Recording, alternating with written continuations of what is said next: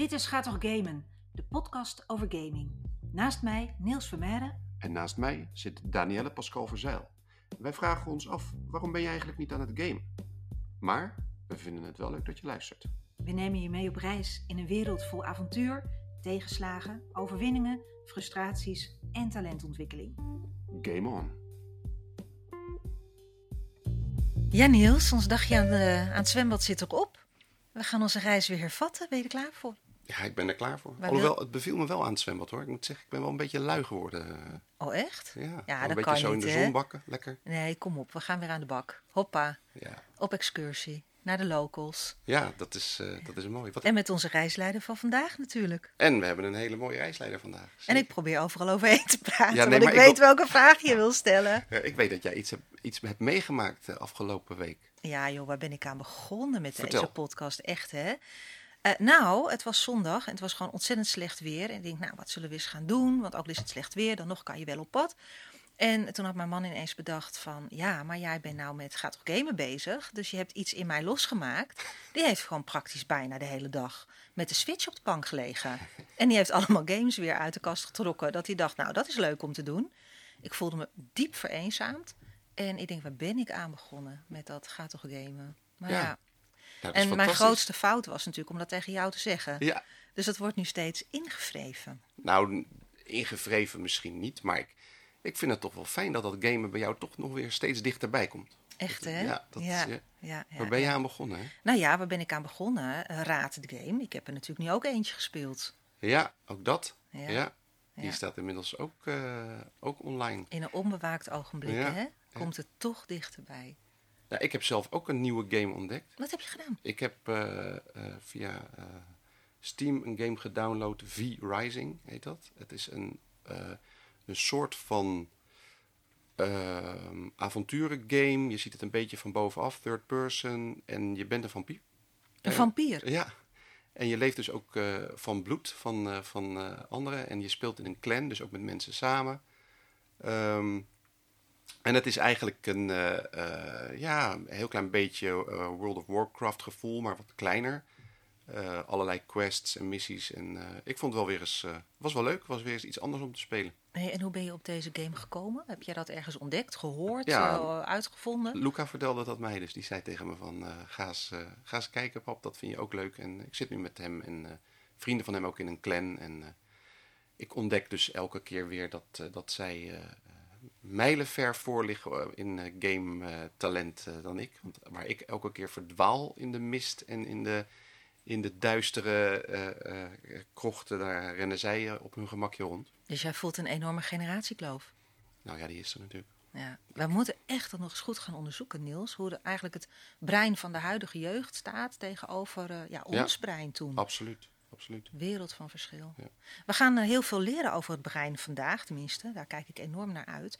Want we zijn in eh, de House of Vision. En we zijn bij Erwin Wils. En hij is Powermind coach. En hij eh, ontdekt samen met ja, zijn gesprekspartners, cliënten... hoe jij van je passie een hele goed betaalde baan kan creëren. Ja, en dat niet alleen. Hij is ook een podcast-host, want hij host gewoon een prachtige podcast over eh, ondernemers, met ondernemers die hun, eh, die hun passie hebben gevolgd en daarmee dus een, eh, een goed belegde boterham verdienen. Erwin, welkom aan tafel. Ja, goedemorgen beiden. Ja, goed dat je er bent. Ja, dank je. Het is, ik zat meteen net even te denken aan een stukje, een stukje terug naar, naar vroeger. Hoe ik ooit begonnen ben met gamen. En mijn allereerste spelcomputer was een eh, Philips VG8020 MSX computer. En er zaten nog cassettebandjes bij waar de spelletjes op stonden. Dat is wel Ja. een hele tijd geleden weer. Ja, nou ja, we komen een beetje uit dezelfde tijd natuurlijk. Dus ik, ik kan eh, zeker, eh, krijg ik warme gevoelens bij cassettebandjes. Want dat is, eh, voor, was voor de Commodore 64 natuurlijk ook de, de drager van de spelletjes. Dus eh, ja. Danielle, haak je al af? Nou ja, ik zie het weer gebeuren natuurlijk aan de overkant. Er wordt over een, eh, Eh, ja, over device gesproken. Ja, ik vind dat hilarisch. En zeker cassettebandjes. Ja, wat deed ik? Ik deed Wem opnemen. ja, met cassettebandjes. Ja, en het heel vaak terugluisteren dat je de tekst mee kon schrijven. En met vriendinnen. En dan natuurlijk ontzettend meezingen. Dus ja, met die cassettebandjes kan ik wat. En met de rest ga ik weer een hele hoop van jullie leren. Want en wij kennen elkaar al wat langer. Nou ja, vier jaar hè, kwamen we eigenlijk achter. De tijd vliegt. Ja, klopt. Ja. Wij kennen elkaar via een, uh, een businessclub. En uh, we raakten in gesprek. En toen vertelde jij over gamen en over je podcast. En toen was het gelijk van, oh, wil je ook bij ons gast zijn? En uh, daar zei jij volmondig ja op. Ja, ja, ik vind het ook ontzettend leuk. En we, we hebben natuurlijk net al een klein beetje erover gehad.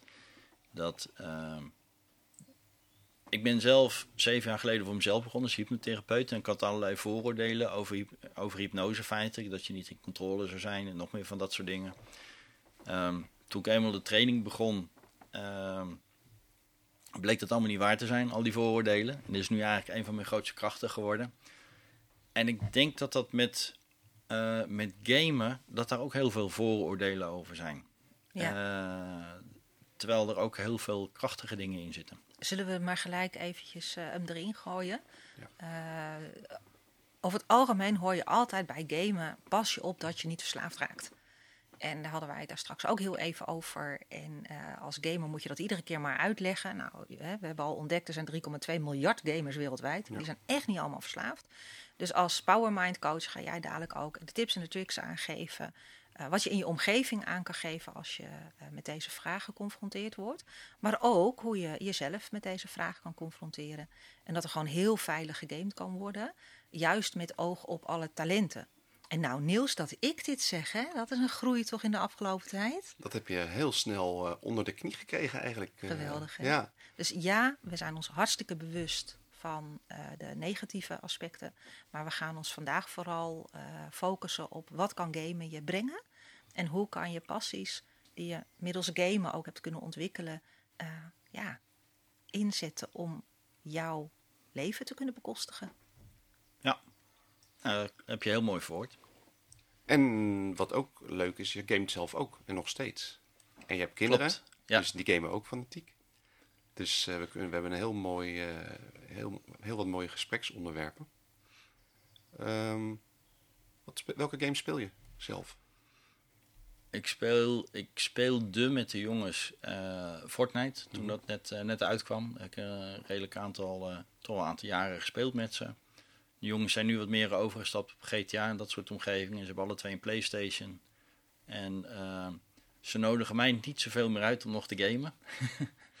maar ik heb, op, uh, ik heb wel op mijn telefoon heb ik, uh, af en toe een game om eigenlijk mijn brein uit te dagen, om het scherp te houden, reactievermogen te testen. En eigenlijk een hele simpele en leuke manier om toch je reflexen te blijven, te blijven testen en je brein scherp te houden met, met denkspelletjes en dat soort zaken allemaal. Dus ik de games die ik speel zijn eigenlijk degene die mij uitdagen om uh, mijn oplossingsvermogen van mijn brein te gebruiken, puzzels oplossen, dat soort zaken. Eigenlijk gewoon om mijn brein op, op peil te houden.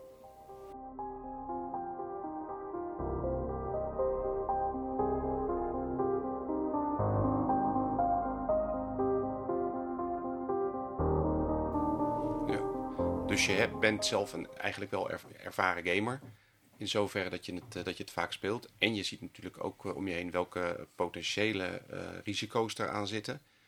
Um, hoe, hoe zou je daar als, als Power Mind coach mee omgaan? Puur professioneel. Um, mijn professionele advies zou inderdaad zijn om het beperken klinkt wat, wat groot, zeg maar. Maar om gewoon uh, vaste tijdsblokken te hebben. Waarbinnen jij uh, kunt gamen. Op een manier dat het je, uh, je, feitelijk helpt om je vaardigheden te vergroten. Net zoals ik dat inderdaad op mijn telefoon. Uh, op dit moment speel ik bijvoorbeeld Beatstar. Een spelletje op mijn telefoon waarbij je op de maat van, van, van bekende liedjes feitelijk blokjes moet, moet wegklikken. Uh, puur om een reactievermogen te testen en te zorgen dat ik scherp blijf en snel kan reageren. En daar zet je dan bijvoorbeeld een kwartiertje de tijd voor om even. eh, ten eerste helpt het je ook om te ontspannen. Weet je wel, als jij eh, voordat je het weet, kan je de hele dag achter je laptop zitten en gewoon werken. Maar als je dan even de tijd neemt om even wat anders te doen, te ontspannen en eh, even zo'n spelletje te spelen, dan A helpt het je om je brein weer even leeg te maken, omdat je dan even gefocust bent op het spelletje. Je bent bezig om eh, je reflexen weer te testen en zorgen dat je snel kan reageren. Dus feitelijk is dat een win-win als je dat soort eh pauzemomentjes kan, kan gebruiken om weer even je hoofd leeg te krijgen, omdat je even puur gefocust bent op dat ene. En vaak daarna krijg je weer eh, input voor de, de belangrijke zaken waar je mee bezig was. Dus ik gebruik het een beetje als pauzemoment eh, om even te, te resetten, om het zo maar te zeggen. Terwijl je toch eh, ja, het aangename met het nuttige combineert op dat moment. Ik word op dit moment in mijn omgeving best wel veel aangesproken door mensen over gamen. En over wat jij nu zegt, dat ik een heel leuk gesprek. Die persoon zei van, joh, ik heb nu met mezelf afgesproken dat ik om vijf uur een half uurtje een rollercoaster tycoon mag spelen. Maar dat betekent dat ik veel gefocuster ben op mijn werk. Veel sneller eh, ja, eigenlijk tot de kern wil komen wat ik die dag af wil hebben. Zodat ik van vijf tot half zes even dat half uurtje mijn game kan spelen. Dus het helpt Ja. inderdaad ook om je te focussen. Om je niet af te laten leiden van andere punten als je zo'n pauzemoment pakt. Nou, dat klopt inderdaad. Wat ik ook bij een aantal klanten adviseer is bijvoorbeeld gebruik maken van een weekly action planner. Waarbij je eigenlijk je week in tijdsblokken verdeelt. En per tijdsblok een, een bepaald type activiteit doet. Heel simpel voorbeeld. Als jij bijvoorbeeld eh, tussen 4 en 5 reserveert om eh, je eh, social media en voicemail e-mail te beantwoorden. Weet je wel, dan hoef je eigenlijk de rest van de dag daar geen tijd aan te besteden. Dus op, maar, en op het moment dat het 4 uur is, nou, ja, dan kan je je, je je Facebook, je LinkedIn, je, al je social media berichten kan je doornemen en beantwoorden. Je kan je e-mail beantwoorden, voicemailtjes die je hebt kan je dan beantwoorden. Maar de rest van de dag hoef je er eigenlijk niet meer over na te denken of continu op je telefoon te kijken of er weer nieuwe berichten zijn of wat dan ook. Omdat je weet dat je die tijd ervoor gereserveerd hebt. Waardoor je dus veel, meer, veel meer gefocust en geconcentreerder aan de slagkant en je veel meer gedaan krijgt. En inderdaad, dan zijn zo'n half uurtje gamen of dat je zegt van... eh, ik werk een half uur heel erg geconcentreerd. En dan neem ik even vijf of tien minuten pauze en dan doe ik weer een half uur. Nou, zorg dat je die vijf tot tien minuten pauze dan ook echt neemt. Want dan kan je veel, krijg je veel meer werk gedaan. En hoe zou je dat, eh, want dit klinkt, klinkt, heel, eh, klinkt heel goed. Ik merk zelf dat als ik een dag heb gewerkt en ik eh, doe veel verschillende dingen, dus ik loop ook echt behoorlijk vol eh, in mijn hoofd. Ehm, maar om vijf uur of half vijf of zo, dan is het ook, en soms om zes uur of half zeven, maar is het klaar. En dan wil ik gewoon gamen. Want dan wil ik ook echt gewoon even een paar uur, bij wijze van spreken, helemaal leeglopen. eh, en ook even de spanning eraf, eraf spelen. Ik denk dat dat ook best wel voor jongeren kan gelden. Eh, we lezen dingen over dat, er, dat de jongeren veel eh, prestatiedruk hebben. Dat ze weinig bewegen omdat ze, en dat wordt gezegd omdat ze veel gamen, maar er wordt ook gezegd omdat ze heel veel andere dingen hebben. Ze moeten continu presteren. Eh, dus ze komen niet meer aan, aan, aan bewegen toe. Ehm, en misschien is er ook wel iets dat, eh, dat ouders er een bijdrage aan leveren dat kinderen minder bewegen, omdat die eh, eh, liever met de auto naar eh, school worden gebracht dan dat ze nog fietsen. Ehm, maar wat je dus ook ziet is dus dat kinderen en jongeren heel veel met andere dingen bezig zijn. Ehm, maar die- dus dat gamen daar neemt ook een grote plek in. Eh, bijvoorbeeld een hele avond of een half weekend of een heel weekend. Ja. Ehm, en dan is, denk ik, eh, kan natuurlijk het punt komen ehm, dat het misschien te veel is. Maar hoe ga je dat herkennen voor jezelf? En hoe kan je, hoe kan je daar dan aan werken dat je, als ze fanatiek FIFA spelen, noem maar wat, of, eh, of eh, eh, CSGO, dan is ook niet, zijn ook niet games waar je e- die even een half uurtje doet en er dan mee stopt. En je hebt ook vaak te maken met een team en dat wil je niet in de steek laten. Ja. Ehm, maar hoe zorg je dan bijvoorbeeld in een, eh, in, nou neem een doorsnee weekend, hoe zorg je dan dat je niet 48 uur CSGO speelt, maar dat wel zo verdeelt dat je daar ook echt wel er genoeg aandacht aan besteedt dat je daar ja, en plezier en, en baat bij. Maar het, is wat je terecht zegt. ehm, sommige games. eh, kijk, zo'n game op de telefoon, dat kan je gewoon eh, vijf minuten doen, tien minuten, een kwartiertje, weet je wel, dan, dan is het wel weer klaar. Eh, maar sommige games hebben inderdaad gewoon meer tijd nodig. Weet je, als je inderdaad FIFA speelt met je vrienden of, of, je zit in een bepaald toernooi. Hè, er worden hele toernooien worden georganiseerd. Hè. Je, je van die hele weekenden dat ze, dat ze met games bij elkaar komen. En dat is op zich prima, weet je. Iedereen heeft zijn hobby. Alleen je moet ook vooral eh, naar je lichaam luisteren. Weet je, als jij daar eh, voor een scherm zit en eh, je krijgt je ogen bij wijze van spreken niet meer dicht, of je begint als een, als een soort zombie daar te zitten, dan weet je gewoon dat je eigenlijk verkeerd bezig bent. En jouw lichaam zal die signalen ook wel afgeven. Weet je, op het moment dat jij moeite hebt om je ogen open te houden, om het zo maar te zeggen, dan weet je al dat je eigenlijk al te lang daar gezeten hebt. Dus het is ook heel belangrijk om naar je lichaam te luisteren. Een ander aspect wat ik zou willen noemen is dat je ook de kracht van het brein niet moet onderschatten. En waarom zeg ik dat? Omdat ehm, ik heb op een gegeven moment, toen ik net bezig was als hypnotherapeut, ook een eh, masterclass eh, eh, eh, sporthypnose gedaan. en daarin is ook uit diverse onderzoeken gebleken. ze hebben op een gegeven moment hebben ze een onderzoek in Amerika gedaan, waarbij een, een aantal studenten fysiek naar een sportschool gingen om bepaalde eh, beenspieren te trainen. Uh, eenzelfde, eh, groep studenten deed de oefening alleen mentaal. Dus die beelden zich in dat ze de oefeningen deden. En dan moesten ze elke keer eh, wat zwaarder doen. Maar dat deden ze alleen mentaal. En de derde groep deed helemaal niks. Dat was zeg maar de referentiegroep. En na een paar weken, hebben ze dus bij die referentiegroep, zagen ze eigenlijk geen vorderingen. Bij degene die fysiek naar de sportschool gingen, zagen ze volgens mij een, een, een, een, eh, toename van spiermassa van ongeveer 28%. En de groep die de oefening mentaal deed, daar kreeg je een, die hadden een spiermassa toename van ongeveer 20%. Dus door alleen maar mentaal die oefeningen te doen, konden ze het lichaam eigenlijk zo sturen dat ze toch die spierontwikkeling eh, opbouwden.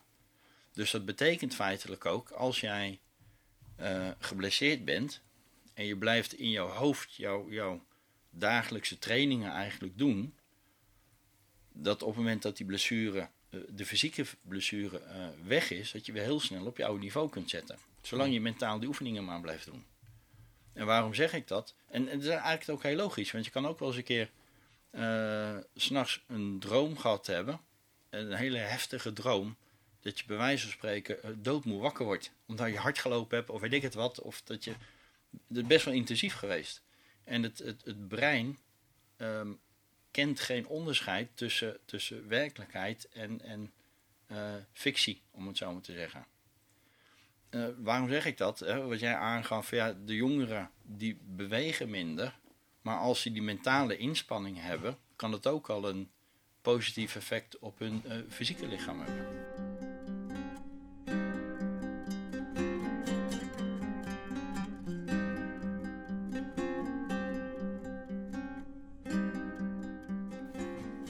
Klinkt wel heel interessant. Dus als ze zich eigenlijk, want ik, als wij Raad de Game doen, dan zie ik jouw eh, poppetje, noem ik het. Ja, het is echt Je oneerbiedig. mag het poppetje noemen. Poppetje. Zie ik maar rennen, rennen, rennen, rennen, rennen, rennen, rennen. Ik ben en daar zoeken, zoeken, kapot van. zoeken.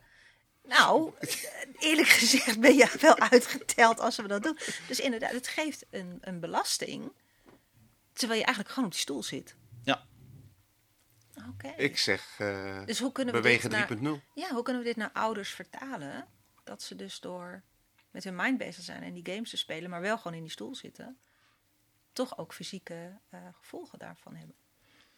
Nou ja, wa- wat je, wat je sowieso natuurlijk ook al hebt is, eh, als je bijvoorbeeld naar de spelletjes met, eh, met de Wii en dat je echt de fysieke bewegingen moet doen om inderdaad een, een spel te kunnen spelen, zie je eigenlijk al dat dat ook al gestimuleerd wordt om ze toch meer fysiek aan bewegen te krijgen. Maar mentaal gebeuren dus daadwerkelijk wel zaken wat mensen eigenlijk niet zien of niet weten.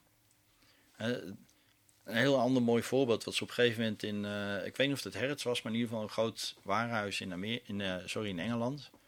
Hebben ze dus ooit een keer een heel team, hebben ze het personeel laten monitoren voor een week. En eh, de helft van het personeel hebben ze toen verteld, en dat was geen, dat is gewoon waarheid, dat was geen leugen, dat het werk wat ze deden, het fysieke werk, eh, eh, spullen verschuiven, vakken invullen, eh, noem maar op, het fysieke werk wat ze deden, dat dat gelijk stond aan, ik geloof, drie keer per week naar de sport, twee uur naar de sportschool gaan. En tegen de andere groep hebben ze dat niet gezegd. En daarna hebben ze nog eens een keer twee, drie weken lopen monitoren. En de groep tegen wie ze het gezegd hebben, die is dus echt fysiek Fitter fit- geworden, ja. fitter geworden. Mensen vielen af. Terwijl die andere groep eigenlijk gewoon hetzelfde bleef. Maar puur door het besef te krijgen dat het werk wat ze deden gelijk stond aan drie keer per week twee uur naar de sportschool, was al voldoende om die fysieke verandering te, eh, te bewerkstelligen bij die mensen. Ja, bizar hè, hoe dat werkt. Maar dit is ook eh, ja, dit is een onderwerp ook voor neuro, eh, neuroreality voor zeker. Fabiola. Zeker Als weten. ik het zo hoor. Want dit is, Zeker weten. het is gewoon weer inderdaad next level eh revalidatie eh, mogelijkheden.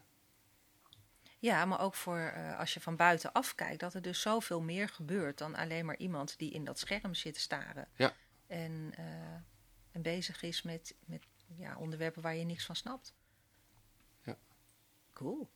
Aan de andere kant, eh, hè, je grenzen stellen. We hebben ook geleerd eh, met de podcast met, met Wim van de House of Esports. Dat het ook heel belangrijk is dat je gewoon goed voor jezelf blijft zorgen. Dat je ook gezond blijft eten, voldoende drinkt, water drinkt. Ja. Ehm, Op die manier, hoe kan je daar een, eh, iets voor instellen dat je. Want ik kan me zo voorstellen, als je, als je aan het gamen bent, de, de tijd verlies je ook gewoon. Dus dat je toch ook in die tijd wel, voordat je lichaam aan gaat geven: hé, hey, hallo, ik eh, kom nu wat tekort. Voldoende momentjes pakt om te kunnen eten en te kunnen drinken en voor jezelf het- te zorgen. Het, het is niet alleen met gamen, maar er zijn veel meer momenten te noemen waarbij je eigenlijk gewoon het besef van tijd even kwijtraakt. Weet je, als jij gewoon gefocust aan het werk bent, of eh, bij wijze van spreken, als je gewoon een boek aan het lezen bent en je wordt zo ge- gegrepen door het verhaal, dan kan je ook opeens eh, twee, drie uur verder zijn zonder dat je het eigenlijk door hebt. En dan is de thee of de koffie die op je tafel laat staan, die is gewoon koud geworden, ben je ook totaal vergeten. Eh, en met gamen is dat eigenlijk hetzelfde, maar dan ben je ook zo intensief bezig dat het best wel eh, wat vergt. Als ik ook een hypnosesessie geef bij mensen, ons brein is de grootste vochtvreter van ons lichaam. Dus ik zeg ook heel vaak na een sessie van joh, zorg ervoor dat je wat extra drinkt om, om het vochtverlies als het ware zeg maar weer aan te vullen. En dat kan natuurlijk ook met, eh, als je gaat gamen, en zorg er bijvoorbeeld voor dat je zo'n gewoon een, een fles naast je hebt staan met water. Of dat je inderdaad gewoon zorgt dat dat, dat eh, in, jouw, in jouw omgeving aanwezig is. Dan gaat het eigenlijk om de voorbereiding. Zorg Feit- ervoor dat je. feitelijk om, ook om een Ja. goede voorbereiding inderdaad. Als je al weet dat je, dat je een bepaald spel gaat doen, weet je wel, eh, zorg ervoor dat je in ieder geval wat te drinken bij je hebt staan. En eh, niet alleen snacks en dat soort dingen, want dat zijn, eh, om het zo maar even te zeggen, de dikmakers. Maar als je jezelf gewoon goed voorbereidt, dan kan je dat prima. En, en heel simpel, als je bijvoorbeeld gaat kijken, ik, ik ben bijvoorbeeld groot fan van de Formule 1. Weet je, als je naar Max Verstappen kijkt, die doet ook nog steeds de, de, de e-sports en zijn, zijn virtuele eh, races.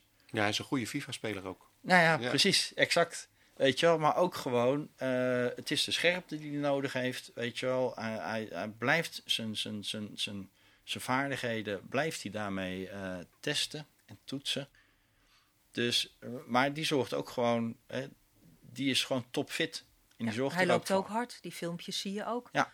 En hij doet ook eh, natuurlijk gewoon zijn, zijn sport en, en dat soort dingen. Dus gewoon goed voor jezelf zorgen, ja, dat kan je toch echt alleen maar zelf doen. Ja. Dus ga nou niet rol uit je bed en eh, ga vegeteren achter die computer. Maar ga gewoon douchen en je aankleden en Goed ontbijten. ontbijten. Neem een fles water, gewoon anderhalf liter water naast je Ja. pc hebben staan.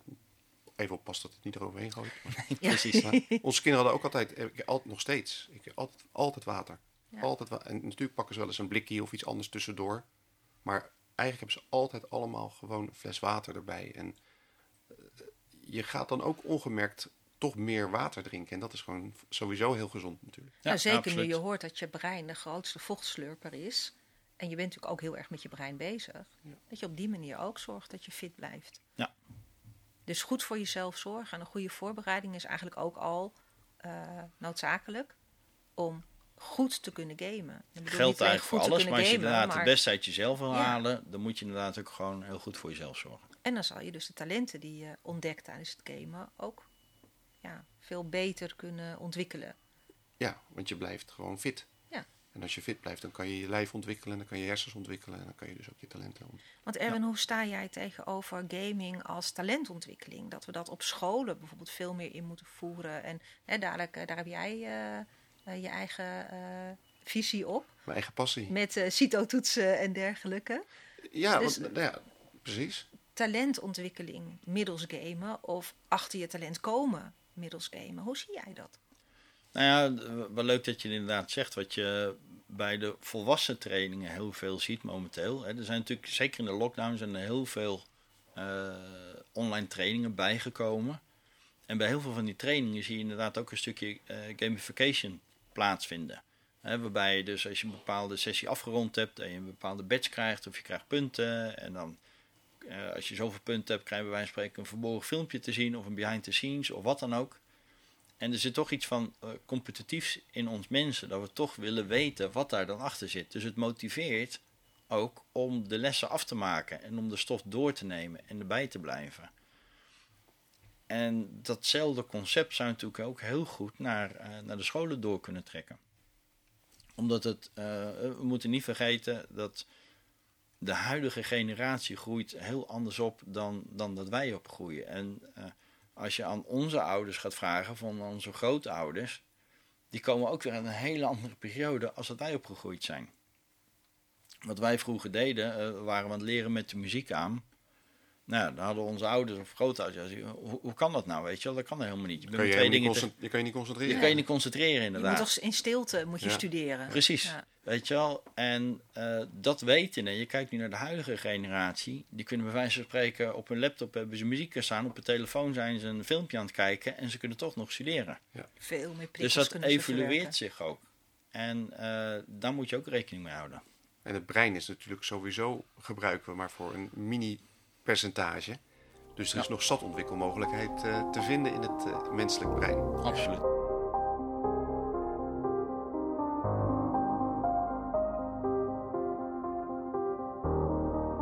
Ik doe een, eh, onder andere een project waarbij wat leerlingen van de Hogeschool Rotterdam eh, ehm, ideeën aandragen of een designs maken om e-sports en gaming meer geaccepteerd te krijgen binnen scholen en het ook als eh, ja, tool te kunnen gebruiken voor, voor kinderen. Nou, een van die onderdelen die daar, of een van die eh, teams eh, kwam met het idee om de CITO-toets eigenlijk te veranderen. Eh, van het eh, zwart op wit gewoon naar een game. Dus eh, meer visueel, meer actief, meer interactief. Eh, waarbij je zelfs met VR bij wijze van spreken een basketbal door een hoepel moet gooien, door in een basket moet gooien waar het juiste antwoord staat. Ehm, ik denk dat dat heel erg gaat aansluiten op de beleving van de, van de jeugd nu, van de kinderen die nu geboren worden. Als dat ontwikkeld wordt, dan wordt het steeds beter. Ehm, maar wat ik ook in het nieuws tegenkwam deze week, is dat meisjes weer, en dan stond het gekoppeld aan de lockdown of aan de coronatijd, lager schooladvies krijgen jongens. En toen vroeg ik me af, wat als dat nou ermee te maken heeft dat meisjes over het algemeen minder gamen dan jongens? Wat als dat die jongens die thuis moesten blijven uit school, twee jaar lang, met tussenpauze, dat ze weer terug mochten, dan was het weer klaar, moesten we veel online les. We weten inmiddels dat er meer gamende jongens zijn dan gamende meisjes. Stel dat dat daarmee te maken heeft. Het is natuurlijk nog helemaal niet wetenschappelijk bewezen, maar het zou zomaar kunnen dat die jongens eh, bepaalde talenten ontwikkelen of bepaalde inzichten krijgen, waardoor ze hogere schooladviezen krijgen Een voorsprong krijgen. voorsprong hebben, ja.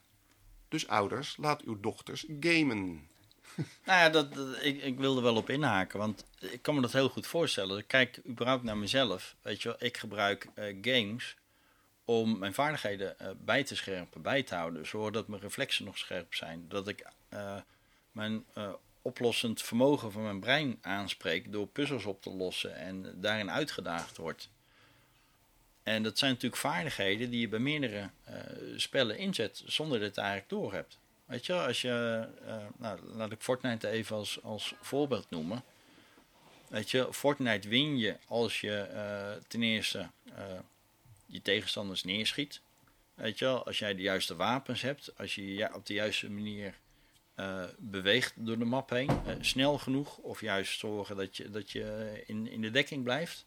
Uiteindelijk blijven er nog maar twee over. En dan moet, nou, moet je ervoor zorgen dat een van die twee dan, eh, dat jij degene bent die als laatste blijft staan.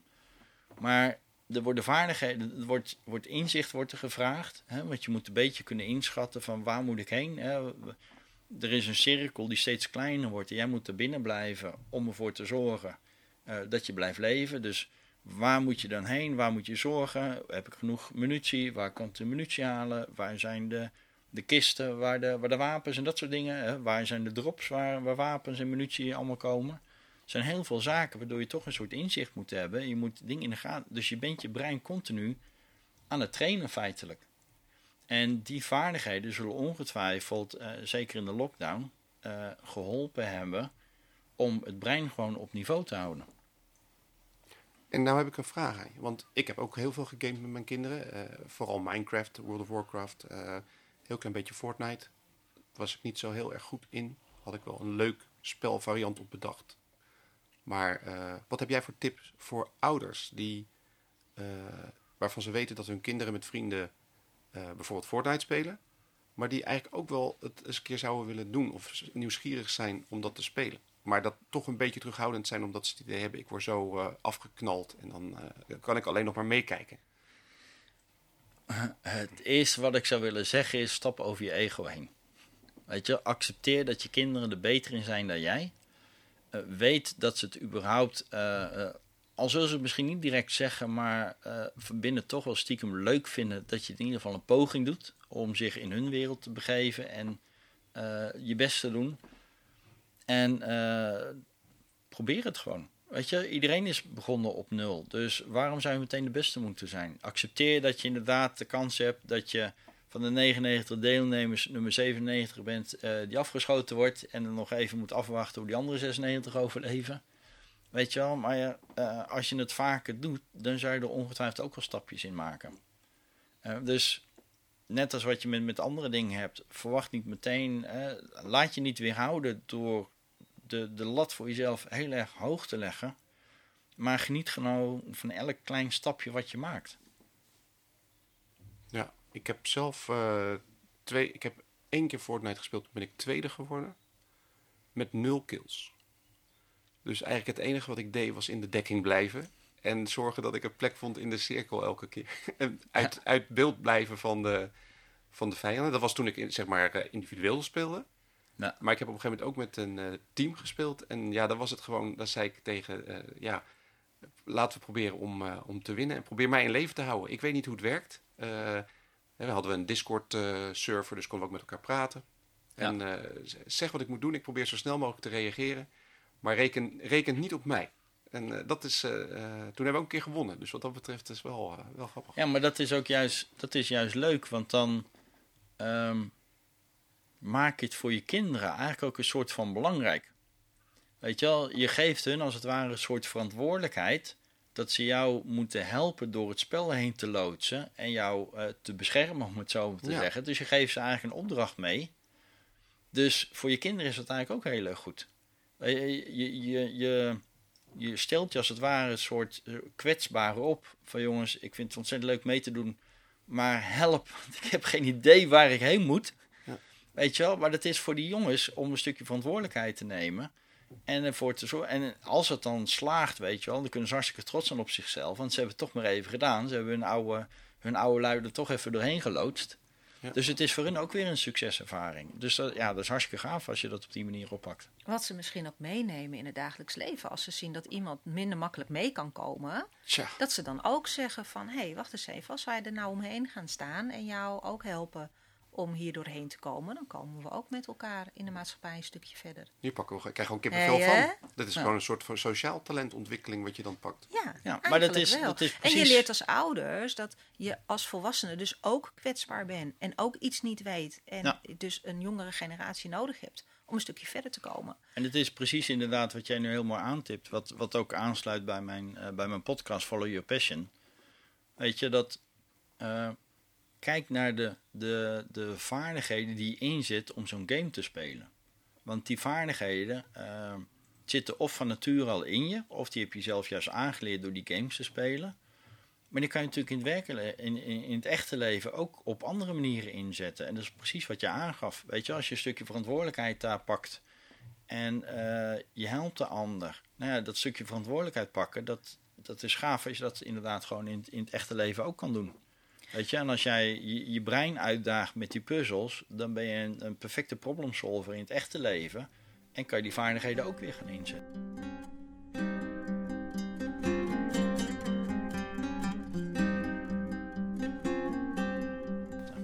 Ja, en dat vind ik echt een super mooie brug. Want je passie, uh, als je heel leuk kan voetballen, we komen niet allemaal in het Nederlands elftal. Maar je kan wel zien dat jij door uh, je talenten binnen voetbal, hoe je die dus in kan zetten op een terrein waar je wel gewoon heel erg goed in bent of waar je heel gelukkig van wordt. En dat uh, follow your passion, daar gaan we het zeker over hebben, maar vooral hoe je van je passie, uh, dus eigenlijk je levensonderhoud kan voorzien en misschien wel een hele goede boterham kan verdienen. wat gamen je kan brengen. Misschien word je niet de werelds beste gamer, maar al je talenten die je daarop ontdekt, hoe je dus in jouw wereld daar wel gewoon een hele goede carrière of toekomst of levensinvulling van kan hebben. En jij vertelde bijvoorbeeld over iemand die uh, rotsformaties in de zee is gaan beklimmen en daar gewoon uh, werk van heeft gemaakt. Ja, klopt ja. Ja, dat is eigenlijk, uh, had als hobby inderdaad uh, rots beklimmen. Vond hij geweldig, die uitdaging die hij dan aanging. En op een gegeven moment zag hij inderdaad zo'n rotsformatie in, in zee staan.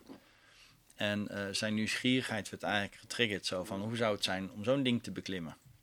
Nou, dat is hij toen op een gegeven moment gaan doen. En dat is hij vaker gaan doen. En voor zover bij ons bekend, dus zowel bij mij als bij hem, is hij de enige professionele fulltime uh, sea-stack climber. Een Ier is dat. En uh, ja, die heeft er eigenlijk zijn, zijn bedrijf meegebouwd. dus hij, hij, begeleidt mensen die dat ook willen doen. hij geeft instructies over het, het, het beklimmen van rotswanden en dat soort zaken. En uh, ja, die vindt het geweldig. Dus hij heeft inderdaad van zijn passie heeft hij eigenlijk zijn, uh, zijn werk gemaakt. En daarmee of kan... eigenlijk, uh, dat verwoord ik eigenlijk verkeerd, want van je passie je werk maken, wat het eigenlijk is, hij heeft een manier gevonden om fulltime met zijn passie bezig te zijn en daar betaald voor te krijgen. En dat is het. En dat is, ja, als je dat voor elkaar kunt krijgen, dat is geweldig natuurlijk. Fulltime met je passie ja. bezig zijn en betaald krijgen en anderen ook nog wat meegeven. Want de trainingen die hij geeft, die mensen gaan niet allemaal alleen maar rots beklimmen. Maar die nemen dat weer mee in hun wereld. De vaardigheden die ze daar leren. Ja, en heb je, want jij voor je podcast heb je meerdere mensen daarover gesproken. Je hebt een hele lijst nog met mensen die, die je gaat spreken. Uh, hoe lang heb je die podcast nou? Ik heb hem nu een, uh, een maand. Ja. ja. Heb je, zie je al iets van. Her, hè, je bent natuurlijk een, een, een, een mindcoach, dus uh, je bent bezig met het brein, hypno. Je, je, zie jij al parallellen tussen de mensen die het lukt om, van hun, om met hun passie betaald te krijgen? Of is het nog te vroeg om te zeggen? Want ik kan me voorstellen dat er een bepaalde mindset voor nodig is om, om dat voor elkaar te krijgen. En ja. als je die hebt, of als je die aanleert, of als je die kweekt, of als je die traint, dat dat. Uh, uh, is daar een vergelijking tussen mensen die je uh, hebt gesproken tot nu toe? Ik denk het wel dat ik die vergelijking kan maken. Wat er eigenlijk op neerkomt is dat een hele mooie uitspraak van Napoleon Hill, een best wel bekende schrijver, is whatever the mind can conceive and believe, it can achieve. Dus wat je brein kan bedenken en waar je volledig van overtuigd bent, waar je echt in gelooft, dat kan je ook bereiken. En dat heeft ook met een stukje, stukje focus te maken. Dus wat je bij de mensen ziet, is dat ze zo uh, gegrepen, worden door, bij, gegrepen worden door een situatie of door hun passie. Dat, ze, dat er echt zo'n zo'n soort aha-moment is van ja, maar dit, dit is het, weet je wel. Hier, hier ga ik volledig voor. En, maar die mensen gaan er ook volledig voor. Dus die zetten door, die laten zich niet tegenhouden door hun omgeving. Uh, omdat de mensen in hun omgeving ook niet altijd begrijpen waar ze mee bezig zijn. Die delen natuurlijk ook die passie niet per se. Die delen dus die, die passie voelen niet, dat niet, ja. die, die, voelen dat niet. Dus, uh, en dat zijn heel vaak goed bedoelde adviezen, maar ze begrijpen het gewoon niet. Nee. En het is juist die passie die ze drijft en het doorzettingsvermogen wat ze tonen, omdat ze weten van ja, maar ik moet gewoon deze kant op. Dit is het voor mij. En hier ga ik ook volledig voor. En dan zie je dat de mensen inderdaad altijd manieren vinden om, daar, eh, eh, om dat doel te bereiken. Maar nu heb jij een kind of misschien een partner of een beste vriend die ongelooflijk gepassioneerd gamer is. Maar ja, jij denkt alleen maar van ja, hallo, de huur of de hypotheek moet ook betaald worden. En eh, wat als dit niet lukt? En hoe kan je hier nou een boterham mee verdienen? Omdat heel veel mensen natuurlijk ook nog steeds niet weten wat er in die wereld allemaal te vinden is. Ja. Wat voor advies heb je voor die persoon die eigenlijk zijn passie aan het beleven is, maar vooral ook voor de omgeving? Ik kan me ook voorstellen dat die meneer van die rotsbeklimming, dat ze daar in de omgeving misschien ook zegt van, sorry, fulltime. Vind je dat je nou echt hè? nodig? Ja. Eh, zou je niet gewoon ergens op kantoor gaan zitten of misschien eh, wat anders doen om je brood te beleggen? Ja. Dus wat, wat, wat zou je kunnen, hoe zou je dat op kunnen pakken? Nou ja, als je, ehm, als je gaat kijken en je wilt ondernemerschap in, weet je dan zitten we eigenlijk in, de, in, in, in een probleemoplossende eh, omgeving. Dus wij lossen een bepaald probleem op en de mensen zijn bereid om daarvoor te betalen. En hoe groter het probleem is, hoe meer ze daarvoor bereid zijn om, om te betalen. Dus als je bepaalde vaardigheden hebt, en je kunt die vaardigheden inzetten om eh, het leven van een ander makkelijker of mooier te maken of om problemen weg te nemen. Dan heb je feitelijk al iets gevonden waarmee je geld kan verdienen. Dus als je iemand hebt die eh, onwijs eh, veel aan het gamen is, ga kijken welke vaardigheden hij, hij of zij daarbij inzet. En is daar, is daar een mogelijkheid mee om, eh, eh, om daar geld mee te verdienen? Maar dus welk dan- probleem kan je daarmee wegnemen? Of hoe kan je invulling geven aan, aan iets waar behoefte aan is? Maar is dan misschien niet het gamen de passie, maar die vaardigheid die jij dan heel goed inzet, je passie? En door die vaardigheid keer op keer op keer op keer op keer in te zetten bij dat gamen, heb je ontdekt dat je daar gewoon heel erg goed in bent. Maar die vaardigheid kan je dus ook op een ander terrein eventueel inzetten. Ik, ik denk vaak dat gamen het, eh, zeg maar, het, het, eh, eh, het visuele van, van, van de vaardigheden mogelijk maakt. Weet je? Dus welke vaardigheden. Want je vindt, als jij gamer bent, vind je niet alle games leuk. Weet je wel, je vindt niet eh, de, de first-person shooter leuk als je meer van, van de FIFA-spelletjes bent of dat soort zaken. Dus eh, de vaardigheden die bij jou passen, jouw talenten feitelijk, komen ook wel tot uiting in de games die je speelt. En daar zou je dan even naar moeten kijken van welke games vind ik leuk, wat zijn, wat zijn de, de grootste gemene delers die die games samen hebben en welke vaardigheden worden daarbij aangesproken. En dat zijn feitelijk mijn talenten. En ik ga dan kijken van hoe kan je die talenten dan inzetten om daar een boterham mee te verdienen. En dus je passie te leven. Ja. Niels, herken jij dat voor jezelf? Ja. Want jij bent echt vervent gamer. Mhm. Hoe jij jouw, eh, jouw professionele bestaan hebt ingericht. Zit daar een link? Ja, er zit zeker een link. Kom ja. je daar nu achter? Of nee, wist dat, je die ik denk eigenlijk dat, al? ik, dat, dat, dat ten eerste raak ik heel erg aan op eh, eh, wat eh, Erwin zegt over het oplossen van problemen. Dat is van mijn eigen bedrijf in ieder geval mijn motto. Eh, daarnaast zie ik ook dat eh, ik hou best wel van heel veel verschillende type games. Dus ik, ik, en ik vind eigenlijk ook alles wel leuk om uit te proberen. Ehm, alleen ik hou niet van games waarvan ik denk van het duurt te lang om, om tot een oplossing te komen. Dan heb ik eigenlijk eh, dan, dan ben ik die aandacht gewoon kwijt. Dus dat is. maar het is wel zeker herkenbaar. En ik denk ook in mijn omgeving zie ik dat keuzes voor bepaalde genres inderdaad gekoppeld zijn aan eh, al aanwezige motivatie of aanwezige talenten. En dat die daardoor weer versterkt worden. Ehm, Nou ja, als je ook bij jou, jij bent echt een duizendpoot. Dus dat jij heel veel verschillende games leuk vindt, zie jij in je werk ook terug. Jij Ja. doet heel veel verschillende Ja. dingen. En bij mij valt nu een kwartje, dankjewel Erwin. Eh, iedereen zegt, maar ja, ga jij nu ook gamen? Nou, en Niels die weet, ik ben gewoon geen gamer. Ik, ik hoef niet achter zo'n beeldscherm. Maar ik vind de wereld waar iemand zich in bevindt heel interessant. En als hulpverlener ben ik me altijd aan het verplaatsen in de wereld van mijn cliënt of patiënt. Zo van, hé, maar wat gebeurt daar dan? En waarom vind jij dat interessant? Of waarom ontspoor jij daar dan in? Dus nee, ik zie mezelf echt nog steeds niet gaan gamen. Maar ik, het verdiepen in de wereld daarachter, ja, dat is wel mijn passie. Ja. nou, het- Hé, het is ook- Erwin, tof, dankjewel. Ja. Maar het is, ook, het is ook leuk, want een van de dingen die ik ga na de zomer ga ik weer eh, naar school, hè, zeg maar, Ja. ga ik een opleiding volgen. Eh, en ik wil me echt gaan richten op gaming En echt gaan richten op ouders en kinderen in eerste instantie. Maar ik ga me niet beperken. Dus als het voor bedrijven iets kan uh, betekenen, vind ik dat ook leuk. Maar ik wil echt op coaching en mediation gaan. Um, waarbij ik ook, juist vanwege het feit dat ik eh, dankzij deze uh, reis die wij maken, ontdek hoeveel talentontwikkeling er zit in bepaalde genres. Hè. Er zijn genres met, uh, waarin wel talent ontwikkeld worden, maar heel weinig. daar is ook onderzoek naar gedaan. En een van de voorbeelden is, is fighting games. dat is gewoon vrij plat. Eigenlijk aan de linkerkant staat een poppetje, aan de rechterkant staat een poppetje. En ze gebruiken combinaties om elkaar uit te schakelen.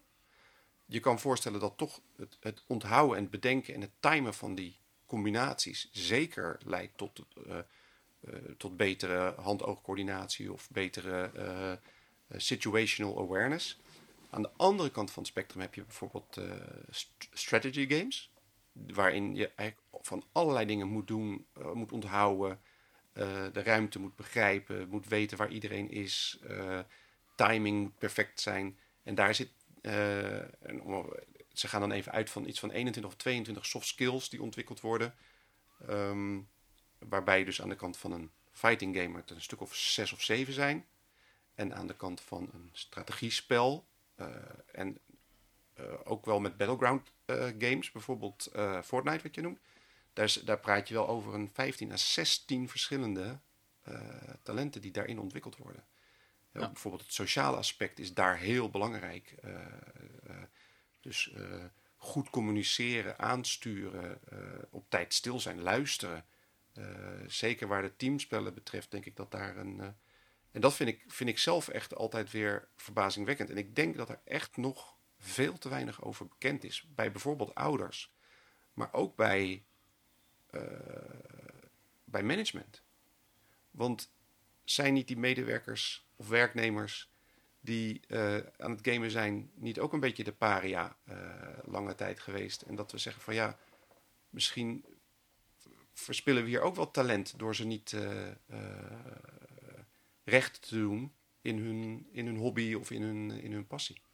Nou ja, het, het, werd in ieder geval niet bevorderd bij bedrijven inderdaad. Nee. Maar wat je wel ziet is als je naar de, de, de, zeg maar, de nieuwe tijdsbedrijven gaat kijken, waar ze wel gewoon een, een gamingruimte hebben, waar Playstation staan, waar ze spelletjes kunnen spelen, virtuele omgevingen. Uh, dat de mensen daar ook toch wel uh, gemotiveerder zijn, uh, ook vaak creatiever. En dat vond ik ook wel leuk wat jij net zei, van dat je heel veel spelletjes leuk vindt, maar je bent vanuit nature ben je gewoon heel erg nieuwsgierig. En wil je ook kijken wat dat is en wat dat zo leuk maakt, waardoor je dus ook uh, onderzoekend bent. En dat zijn vaardigheden die je in het echte leven ook gebruikt. Want als jij uh, graag complexe problemen wil oplossen, moet je ook van nature een soort nieuwsgierigheid hebben van wat zit erachter en hoe kan ik dat het beste oplossen. Dus dat zijn vaardigheden die je in het echte leven ook, ook gebruikt. En ook wat ik zelf altijd heel sterk vind, is het, het trial and error principe. Er is ik heb nog nooit een betere hobby gevonden dan gamen om heel goed te worden in vallen en opstaan en elke keer weer opnieuw te beginnen. Ja, precies. Ja. dus dat, en volgens mij is dat nog steeds een van de allersterkste leermanieren. Uh, ja. Dus, ja, het, het, gaat er niet om dat je fouten maakt. Het gaat erom wat je ervan leert, inderdaad. Het zijn gewoon leermomenten. Ja. ja. En, en in een game kan je niet anders dan fouten maken. Want niemand start met een game en speelt hem uit zonder een fout te maken. Nee, precies. Tenzij je hem zelf geschreven hebt. Maar... zelfs dan, en zelfs dan is het nog een uitdaging. Ja. ja.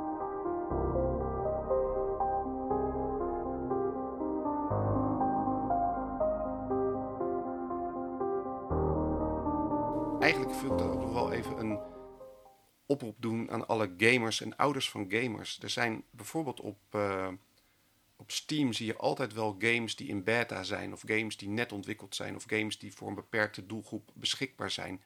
Motiveer je kind om dat soort dingen uit te proberen. Want ten eerste is het uh, echt heel leuk om een nieuwe game uit te proberen. Ten tweede hebben ze zeker direct het gevoel dat ze een positieve bijdrage leveren aan de ontwikkeling van die game. En ik denk dat je dat, daar gewoon naar moet zoeken, naar dat soort, uh, dat soort kansen. Je had het net, Danielle, over hoe kan je dan daar bijvoorbeeld je geld mee verdienen of uh, met gamen. Beta-testing is gewoon een beroep.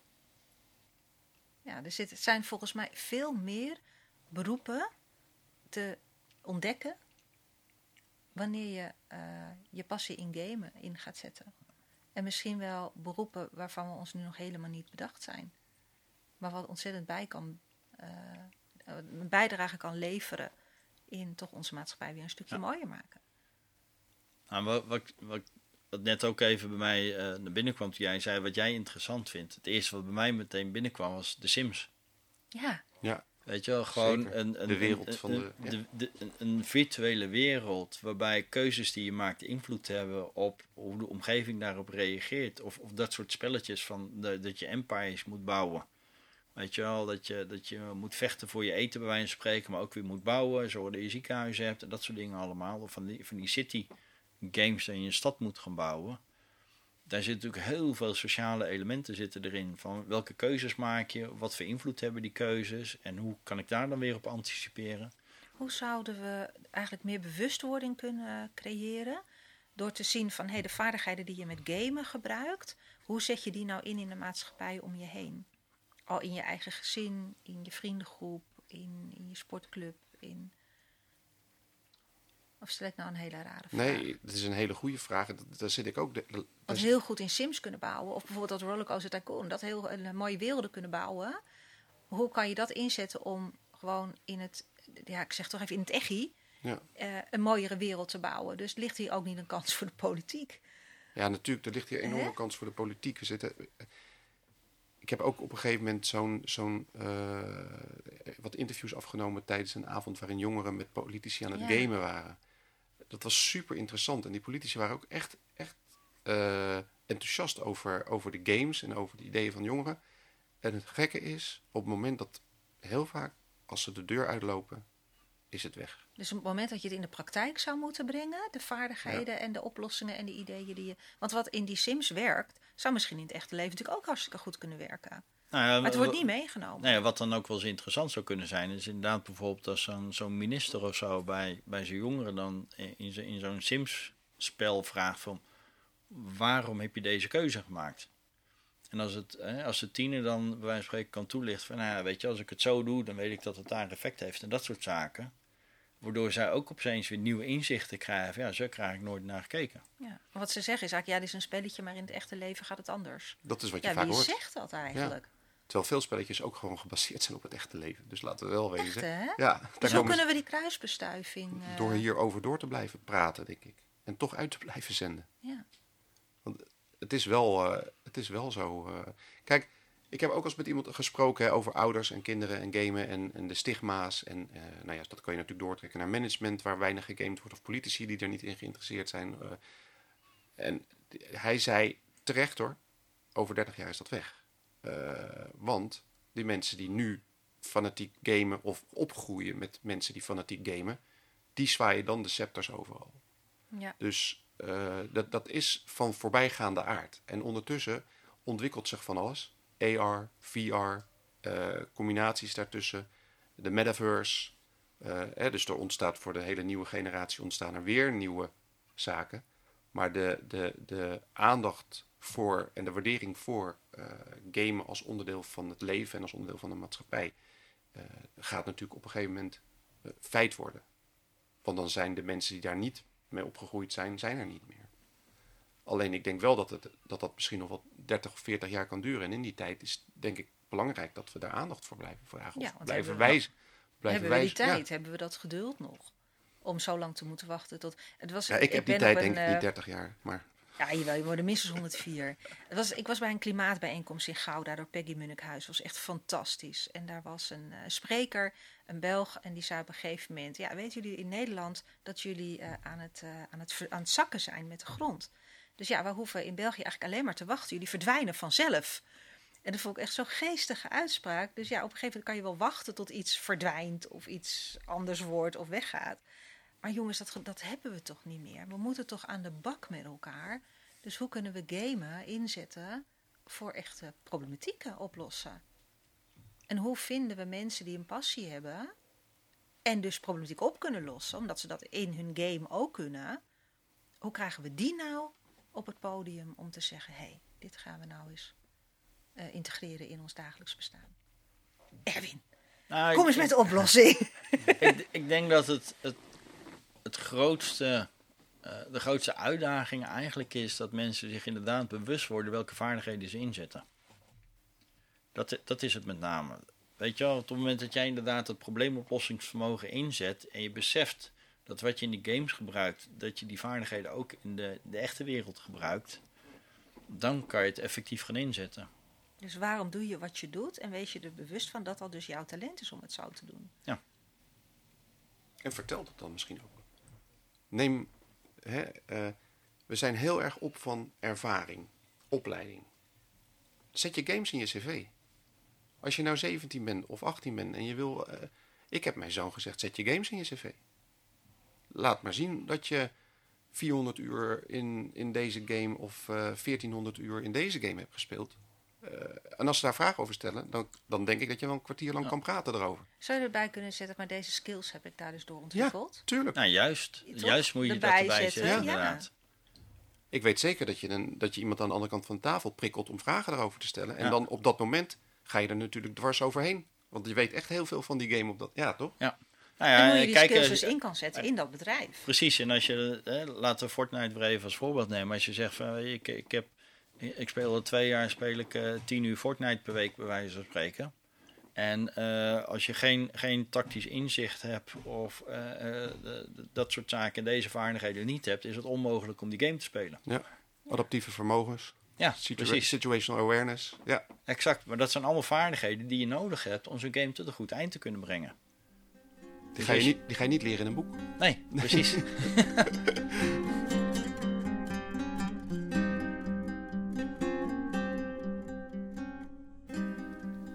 Oh, mijn brein draait overuren nu. Hoe kunnen we dat Dan gaan we bewust maar maken? ja, Geweldig, doorgaan. Door, iedere keer. de- Elke keer maar weer doorgaan en- en-. En we hadden het natuurlijk aan het zwembad even over dat we vooral zelf eh, bepalen welke onderwerpen we willen bespreken. En we eigenlijk helemaal niet bezig moeten zijn met het aantal luisteraars en dat soort zaken. En daar ben ik het nog steeds mee eens, hè, want het is onze reis en onze ontdekking. En wie mee wil, mag mee. En wie mee wil, mag mee. Maar dit zou toch wel fijn zijn als we dit tussen de oren kunnen krijgen van een eh, hoop luisteraars. Nou, ik denk ook wel dat het belangrijkste is om, om überhaupt te kijken hoe je het onderwijs kan, kan motiveren hierin. Ik denk dat daar nog de grootste uitdaging ligt. Ik kan me nog herinneren toen mijn, eh, mijn nichtje klein was, die is nu ook volwassen, maar ik denk dat zij toen een jaar of 7, 8 was of zo, werd er een intelligentietest op, eh, op school gedaan. En dan kregen ze plaatjes te zien, dan moesten ze zeggen wat het was. En had ze slecht op gescoord. Maar dat kwam omdat een van die plaatjes was een fluitketel. En toen zei mijn schoonzus ook, ja, als ze nou een waterkoker had laten zien, dat had ze het wel geweten. Ja, ja, ja. Om maar even een voorbeeld te geven hoe dat achterloopt op de realiteit, om het zo maar te zeggen. Maar het onderwijs is wat dat betreft sowieso natuurlijk traag in verandering. Zouden Ja. we dan niet bij werkgevers moeten zijn? Dus weer de ondernemers, de werkgevers die zeggen: hé, hey, ik zoek voor mijn personeel of voor degene die stage bij mij komen lopen, eh, mensen die skills hebben, die ze ontwikkeld hebben of ontdekt hebben middels gamen. Ja, en die, zie je wel. Dat, dat, dat zie je wel meer en meer bij werkgevers. Maar ook daar worden de keuzes gemaakt, bijvoorbeeld door een HR-afdeling. Nou, kijk even waar komen die over het algemeen vandaan. Die komen dan van een, van een hele ja, droge opleiding, HBO, universiteit. eh, hebben daar ook misschien ja, eh, zelf niet eh, gegamed of die ervaring niet. Dus misschien is dat een ingangspunt. Dus de, dus de recruiters en de personeelszaken, de HR-afdelingen. En dat daar misschien de verandering eh, vandaan kan komen om meer waardering te eh, genereren voor de talenten die ontwikkeld zijn via game. Nou ja, en, het, en, en de mensen moeten zich niet beperken tot het werkverlenen. Want als je bepaalde skills nodig hebt, bepaalde vaardigheden nodig hebt voor een functie, die kan je op meerdere manieren eh, verkrijgen. Dus laat ze dan ook hun blikveld wat verwijden van hoe weet ik of iemand die talenten ontwikkeld heeft. Hè, dan kan je wel zeggen van ja, wat heb je bij je vorige werkgever gedaan? Ja. Maar het kan ook zomaar zijn een bepaalde, eh, eh, ik noem maar wat FIFA, weet je wel, of eh, Formule 1 of weet ik het wat, die game, dat die precies diezelfde talenten ontwikkelt. Of meer. Of dan- meer inderdaad. Ja. En dan zou je dus kunnen zien dat door een gepassioneerd gamer te zijn, je met je passie op een gegeven moment je droombaan kan vinden. Ja. En je passie dus leeft. Ja, en in- inderdaad, ik vind het wel ook een hele goeie wat je zegt met die, eh, dat je je niet moet beperken tot eh, werkervaring. Of niet alleen maar om werkervaring gaat. Sterker nog, er wordt ook wel eens gezegd over geen ervaring is een pre. En dat vind ik ook mooi. En zeker zie je dat, en dat zie je dan wel terugkomen in wat hogere functies bijvoorbeeld, dat juist gekeken wordt naar iemand die dus die ervaring niet heeft, omdat er een verandering noodzakelijk is of omdat er een innovatie gaande is waarbij het belangrijk is dat iemand echt met een frisse blik kijkt. Uh, liever geen ervaring in het werkveld. Nou, uh, goede is natuurlijk een goede, maar dat, ze zou ook wel eens kunnen toevoegen van een first-person shooter is een pre. Bijvoorbeeld. Ja, bijvoorbeeld. ja, omdat je dan heel snel kan reageren op dingen. Hè, en dat je goed ja. weet wat er om je heen gebeurt. omdat je heel veel bent doodgegaan en weer op bent opgestaan. Ja. Nou, mis, misschien, misschien is dat dan ook uh, misschien wel een uitdaging voor de gaming-industrie. Om eens bij hun games aan te geven welke vaardigheden je nodig hebt om die game te kunnen spelen. Ja. Dus dan pak je het gewoon van de andere kant op.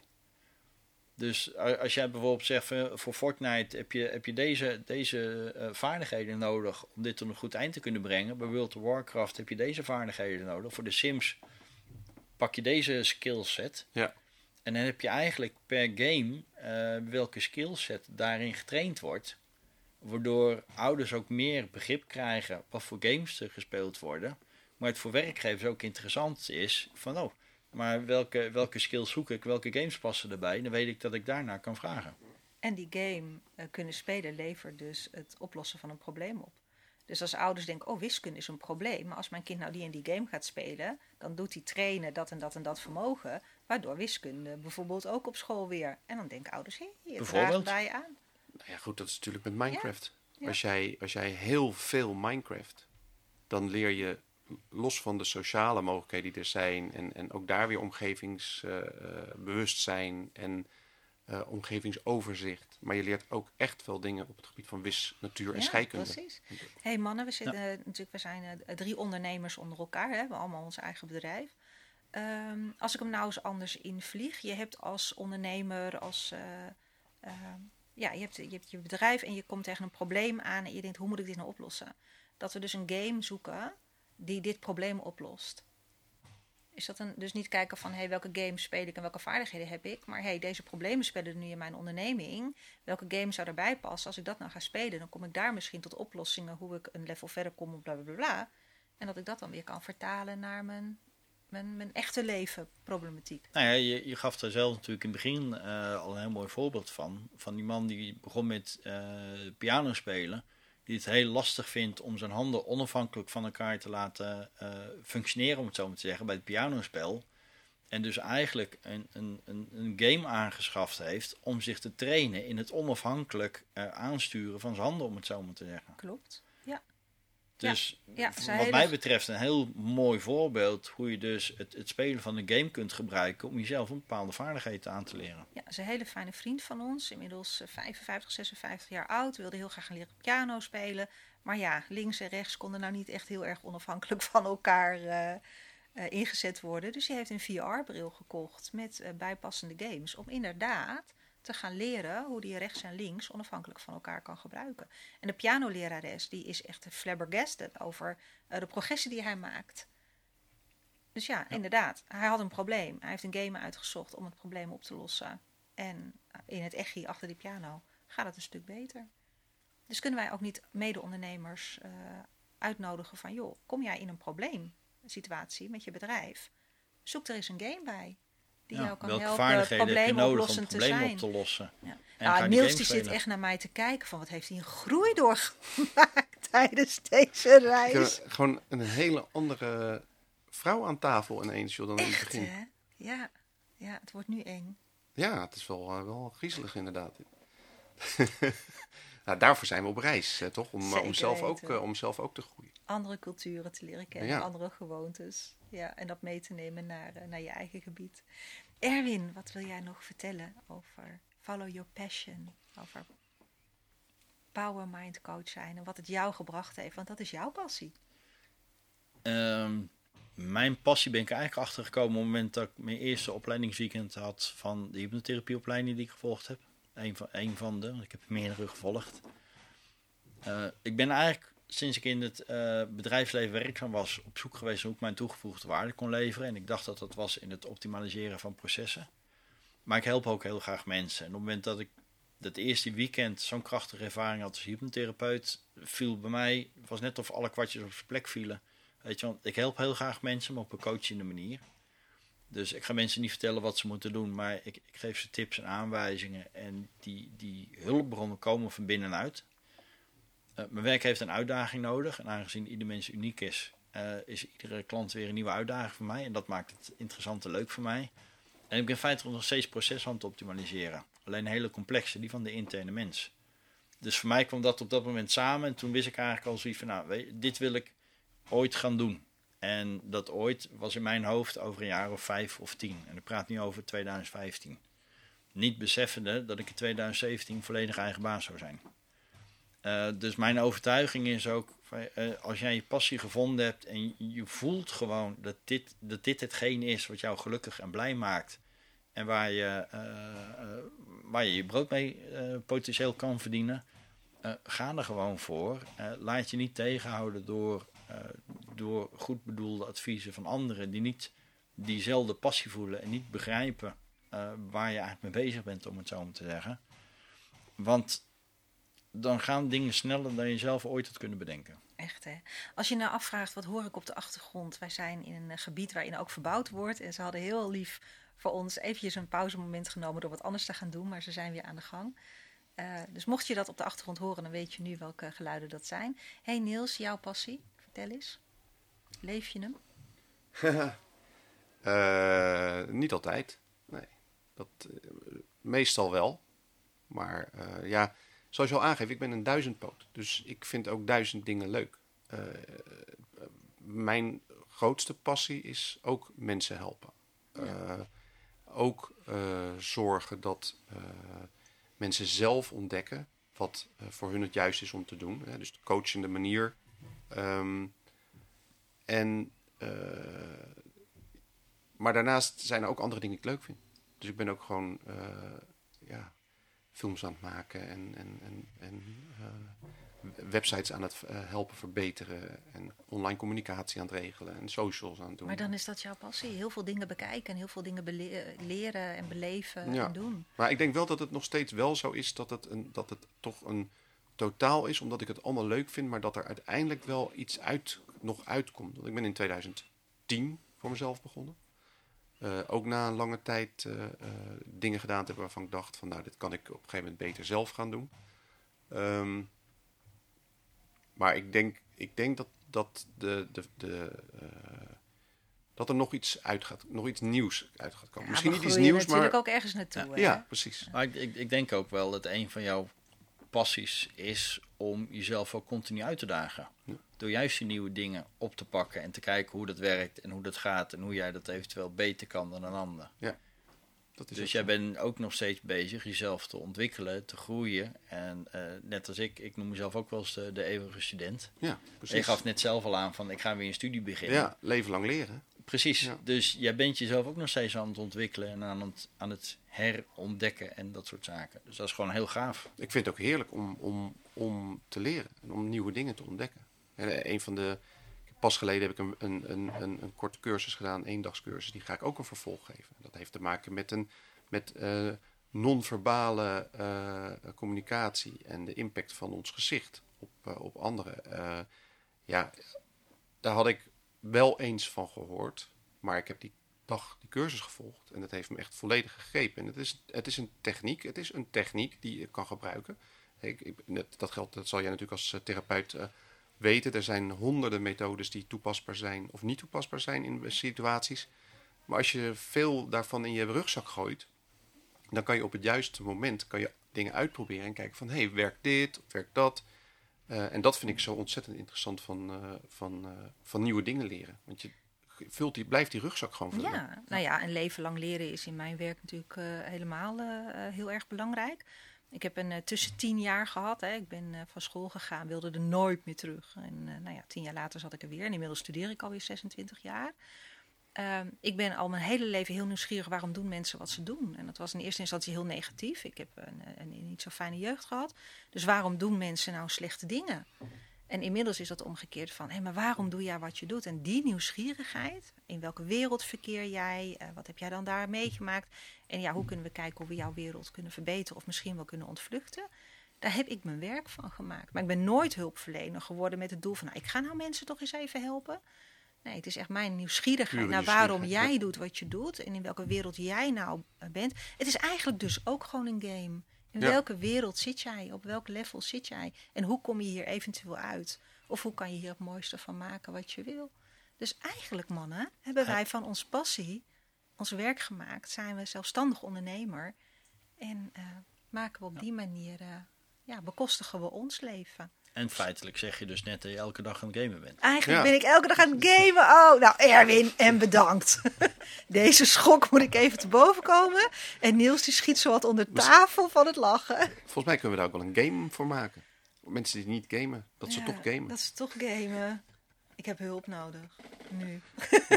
Nou, die die zit aan tafel, toch? Dus Echt, hebben we genoeg, eh, genoeg hulpverleners om, Ja. bij elkaar zo. Erwin, dank je wel voor je impact in, eh, in, in deze podcast. En wat heb ik veel van je geleerd. En graag gedaan. Ik vond het leuk om, eh, om bij te zijn. Mag ik me schaamteloos uitnodigen samen met mijn, eh, mijn reismaatje voor jouw podcast? Uiteraard. Wat heerlijk. But then we'll switch to English. Oh god. Yep. Gaan we doen, gaan we doen. En, maar ik wil ook trouwens nog even één dingetje eh, aangeven. Want het is eh, follow streepje your streepje passion dot biz.